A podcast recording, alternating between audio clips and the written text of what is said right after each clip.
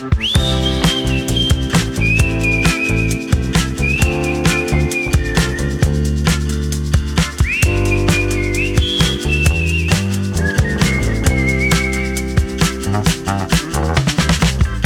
Sílvia. Hola, Andreu, com estàs? Molt bé, per Berga que el fred. Bé, bé. D'acord.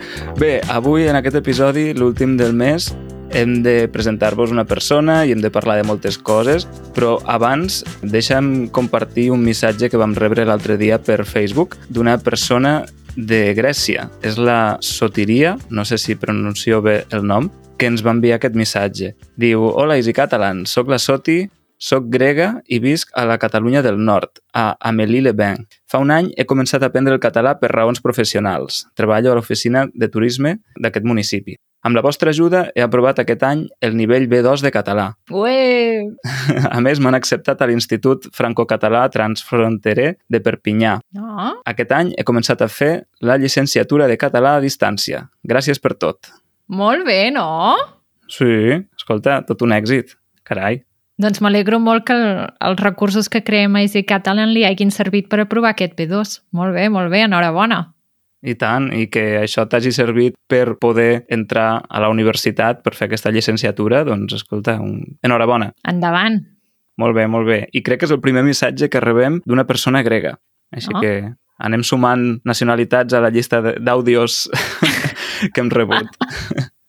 molt bé, fantàstic. I això, com hem dit, avui us volem presentar una persona en aquest episodi i és que parlant d'aprenentatge de català no? i de nivells i tot això, doncs avui us volem portar un dels professors de l'escola d'Easy Catalan, en aquest cas, el Biel. Hola, Biel. Hola, què tal? Com estàu? Molt bé, molt tu? bé, Biel, i tu? Bé, molt bé. Fantàstic. Per cert, ho saps que ets el primer convidat que tenim que és de les Illes Balears? Sí, eh, en tenia constància, encantat de ser.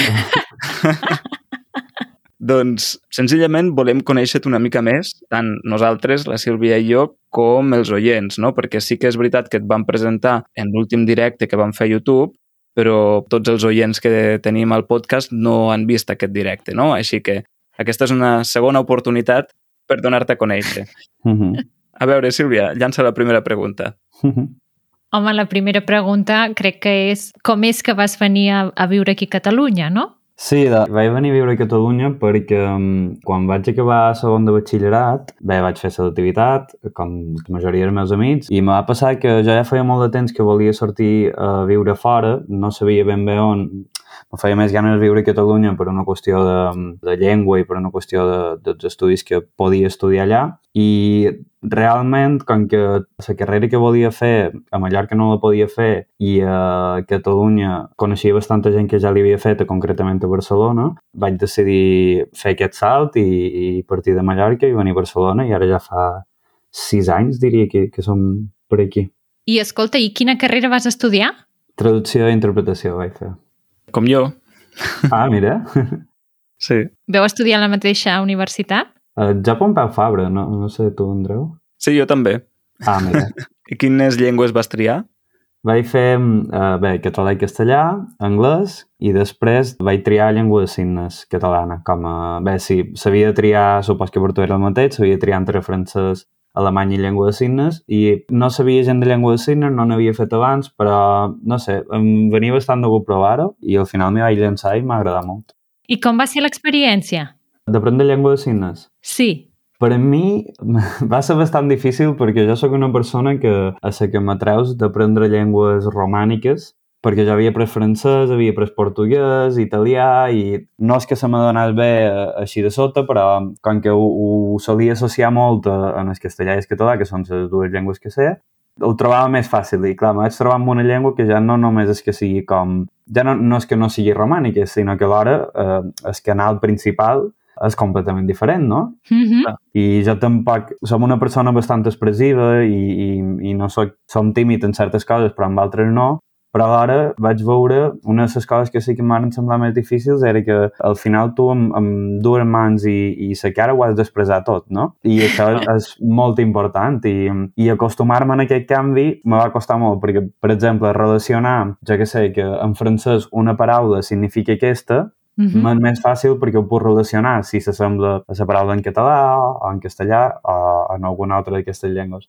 Però, clar, en llengua de signes, tot i que hi ha alguns signes que són molt visuals i molt evidents, n'hi ha d'altres que no. I això sí que m'ha costat molt, no? Com associar un moviment de les teves mans o de la teva cara a una paraula. Però la que vaig agafar una mica de ritme ho vaig gaudir moltíssim. Molt bé. Doncs un altre dia, Andreu, hauríem de fer un podcast només parlant sobre la llengua de signes, perquè la Irene també està aprenent llengua de signes i crec que podríem estar tots tres aquí parlant-ne una estona. D'acord, em sembla perfecte. Pensava que anaves a dir parlant en llengua de signes. Home, ah. dic un podcast potser no és la millor opció. no és el millor format. Però sí, sí, totalment d'acord. Em sembla bona idea. Molt bé. I com és que et vas decantar per aquesta branca, per aquests estudis? No ho sé segur, realment. Principalment estava entre fer filologia catalana o fer traducció. Igual que jo.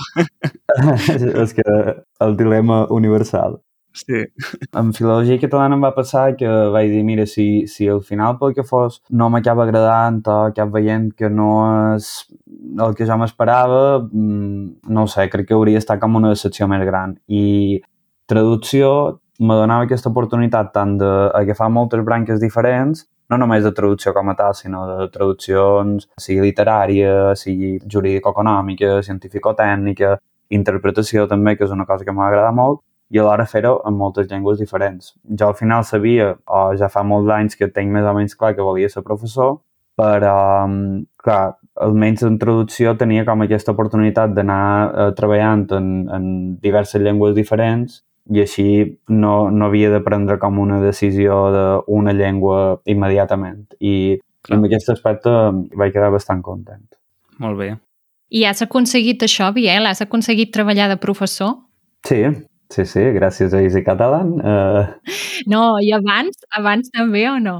Sí, sí, sí. Bé, a part de pràctiques, de, perquè des, després de, de fer traducció vaig fer el màster de professorat de secundària i vaig estar fent pràctiques a un centre de formació d'adults, a la Pau, uh -huh. que allà vaig fer... Principalment havia de fer anglès i, i com que la feina, la feina que, me, que deien que comptava era la que feia com a professor d'anglès, però també vaig, vaig estar unes aules d'acollida, també ensenyant català o ajudant, fent reforç a alguns alumnes, com que entraven també molts alumnes nous, algunes vegades jo feia, com jo anava a una altra aula, posen per cada sis alumnes, per fer-lo jo una classe a part, perquè, clar, hi havia com ritmes molt diferents i, i gent nova com que entrava cada setmana. I això ho, ho vaig gaudir molt i després, a part d'això, vaig estar fent, bé, estar fent repassos i classes particulars a gent que o volia aprendre o volia presentar-se algun examen o tenia assignatura suspesa i necessitava una mica de, de repàs o reforç i això és tot el que he anat fent i ara hem començat uh -huh. aquí amb, amb el nivell B1 ja faig de català. I ara al gener començaràs amb el B2. Efectivament, efectivament, a partir de gener farem tant B1 com B2. Doncs si algú està interessat en fer classes, si vol fer un curs de B1 o B2 o classes particulars o sessions de conversa, com ho ha de fer? El que s'ha de fer és anar al web de Easy Catalan, al web normal, i allà hi ha mm, com moltes opcions diferents de cursos que estan separats per nivells. Hi ha tant classes particulars com sessions de conversa, com classes de grups. I mm, allà eh, doncs, es tria un curs a un nivell segons el que cadascú senti que té o sàpiga que té, i mm. després, eh, si s'inscriuen i fan el, el pagament, després faran una prova, que és una conversa amb un professor, per veure una mica el nivell de l'alumne i segons el nivell que tingui o que creguis professor, doncs se'n triarà un o un altre. Exacte. El web que ha dit el Biel és classes.easycatalan.org i si les contracteu abans de finals de novembre, tindreu un 10% de descompte en les classes de grup. Una altra informació útil és quan comença el proper curs, no? Sí, bé, ara hem començat ja uns cursos que acabarem doncs, a final d'aquest trimestre i a partir de gener començaran els cursos nous. Que són cursos trimestrals, veritat? Exacte. D'acord. Per tant, l'enllaç, com ha dit la Sílvia, és classes.easycatalan.org. El proper curs començarà al gener de 2024 i si pel que fos no hi hagués més places o no us anés bé començar ara, sapigueu que hi haurà més cursos més endavant, perquè s'aniran repetint, no? Seran cursos trimestrals. Mm -hmm. Alguna cosa més a dir sobre els cursos? No. Que s'ho passen molt bé, que són molt guais. Exacte. Genial. Doncs, Biel, continuem parlant sobre tu. Uh, jo et volia preguntar, ara que fa sis anys que vius aquí, que vius a Catalunya, entenc que portes sis anys a Barcelona, concretament, no? Sí, exacte. He estat a Barcelona majoritàriament, vaig estar un temps a Anglaterra d'Erasmus breu, uns mesets, però la resta de temps he estat tot a Barcelona. I t'agrada la vida a la ciutat? Sí, en general m'agrada molt. Sempre quan, quan torno a casa, eh, sobretot amb, amb familiars meus, a vegades eh, em diuen que, clar, deu ser molt estressant amb, amb tot el renou que hi ha, amb tota la gent. A mi això no, no m'ha molestat gaire mai. Sempre m'he sentit com molt a gust amb tanta gent i això. I Barcelona és una ciutat que amb aquest aspecte sí que hi ha mil Barcelones diferents i Mm. ara justament que visc en el barri gòtic de, de renou i soroll i gent n'hi ha moltíssima, però, però en general, com que, no sé, he vist molt bé i és una ciutat molt agradable, realment. I no trobes a faltar Mallorca? Uh, a vegades sí. Me passa que quan, quan hi torn i estic allà uns quants dies per visitar la meva família això, dic, ostres, ara podria tornar aquí, però després quan estic a Barcelona també estic bé a Barcelona. Clar, perquè a més has dit que ets de Mallorca, però no ets de la capital de Mallorca, no ets de Palma, oi? No, no, gràcies. No, gràcies. per què no, gràcies? No, és, és, eh, només faig broma, vull dir... Clar. Palma, Palma també és una ciutat que m'agrada molt, però res, volia fer una mica de broma. Jo soc de, de Manacor. D'acord. Manacor. Què en pots dir de Manacor per qui no ho conegui? Ah, Bé, Ma- Manacor és un, és un poble-ciutat, sempre hi ha aquesta... mm, Depèn de en qui parlis, eh, te dirà poble, i depèn d'en qui parlis, te dirà ciutat. Però té uns 40.000 habitants i, clar, i això ja són moltíssims, però com que hi ha molt una vida de poble i, i potser el centre de la ciutat està molt... és molt de poble, hi ha vida molt de poble, tothom se coneix amb tothom, i té aquesta cosa que està molt bé, que per determinades coses és petitet, però per determinades coses és molt gran. I això ho fa bastant especial perquè, sí, no sé, trobo que és un poble molt agradable, la gent sempre, sempre he trobat que és molt acollidora, molt simpàtica, i la gent d'allà és molt d'allà, i a mi això sempre m'ha agradat molt, perquè, no sé, tothom que és allà té un sentiment molt propi de, Mm. de d'aquest poble i, i jo, és això, malgrat duir sis anys a Barcelona, sempre a tothom que conec li dic que sóc de Manacor concretament, de vegades ni dic Mallorca, és com dic que sóc de Manacor perquè sempre hi ha com aquest sentiment de, de ser d'allà com passa en molts altres pobles també. de Oh, i tant. Sí. Mm. I hi ha alguna paraula que sigui típica de Manacor? Que quan algú la diu ja saps que és d'allà? Sí, n'hi ha moltes. Que això també és una altra cosa que passa, que a vegades que gent de fora de Manacor, a vegades hi ha algunes coses que se perden. Xíxero, per exemple, és, és una paraula típica que sempre deien, que xíxero és, és, un, és un pèsol, Això va sortir en el vídeo que vam fer. Mm, Va fer un vídeo en què preguntàvem això, no? Si hi ha paraules de Mallorca que fora de Mallorca no s'entenen, no? I ens van Mm. dir xíxero, va sortir Mm. un parell de vegades, també, Exacte. estiragassons, crec que et Ah, deien a exacte. Felanitx. A Felanitx, exacte. I, i n'hi ha més, també pèsols i pitxos, i bé, hi ha mil maneres.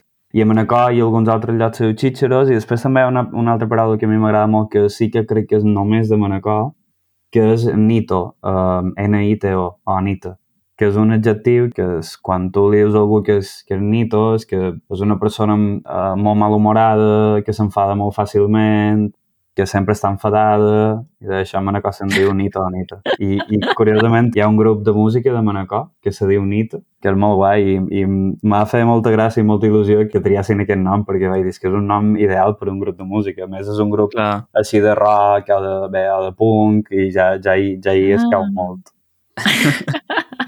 Molt bé. Ara que parles de música i de grups de música, recordo que el dia que et vam conèixer ens vas explicar que tu tens com dos focus d'interès, no? Per un costat les Mhm. llengües i per l'altre la música també, i que tens un grup de música. Mm -hmm, efectivament. Doncs penso que ens podries parlar més d'aquest grup de música en el bonus, perquè ara hauríem de començar a passar a l'expressió de la setmana. Us sembla bé? Endavant. Vinga. L'expressió de la setmana. Doncs, Biel, ara tens l'oportunitat de demostrar les teves habilitats com a professor de català davant de tots els nostres oients i explicar-nos quina és l'expressió que has triat i què significa. I de, mira, com a expressió, eh, n'he triat una molt mallorquina i que s'utilitza molt, que és passar serada davant el bou. Ah, mira. Aquesta expressió és... Eh, per sort no me l'han dit eh, moltíssim, perquè soc una persona bastant ordenada, però D'acord. és una expressió que significa avançar-te... Bé, o, o si voleu endevinar què significa, també, si ho voleu intentar, ara també... Ara, de fet, he passat serà davant el bo, ja. crec que és molt gràfica, no? Vull dir, Sí. Sí, sí. Sí, sí, sí. Hi ha moltes expressions que venen del món rural, no? Aquesta clarament ho és. Llavors, Mhm. passar l'arada per davant del bou, l'arada és una eina, no? Exacte. que normalment va darrere del bou, o sigui que el bou l'arrossegue i per tant passar l'arada davant del bou vol dir com fer les coses en l'ordre invers, no? O sigui, avançar-se. Efectivament, és avançar-te als esdeveniments. Si intentes fer, no sé, posem per cas que estàs fent una recepta, no? Vols fer uns macarrons i llances el macarró dins l'olla abans de posar-hi abans de posar-hi aigua, no? Això és Mhm. passar serà davant el bou, perquè estàs fent, estàs fent una cosa que has de fer més tard eh, al principi de tot. Sí. Sí, és, és una expressió molt visual i, i molt pròpia i sempre m'ha agradat molt. Aquí potser diem començar la casa per la teulada, no? Exacte, exacte, seria, seria exactament el mateix. Uh -huh. Mm, mira, no l'havia sentit mai jo, aquesta expressió. N'hi ha una altra que també m'agrada molt, que avui hi estava pensant, perquè estava xerrant amb uns companys i, i l'he dit, que és una expressió que diu del teu pa en faràs les teves sopes. Mm. Que això, eh, no sé si l'havíeu sentit o si sabeu què significa. No? És No, Podem no. provar d'endevinar-la, no? endavant. A veure, Sílvia.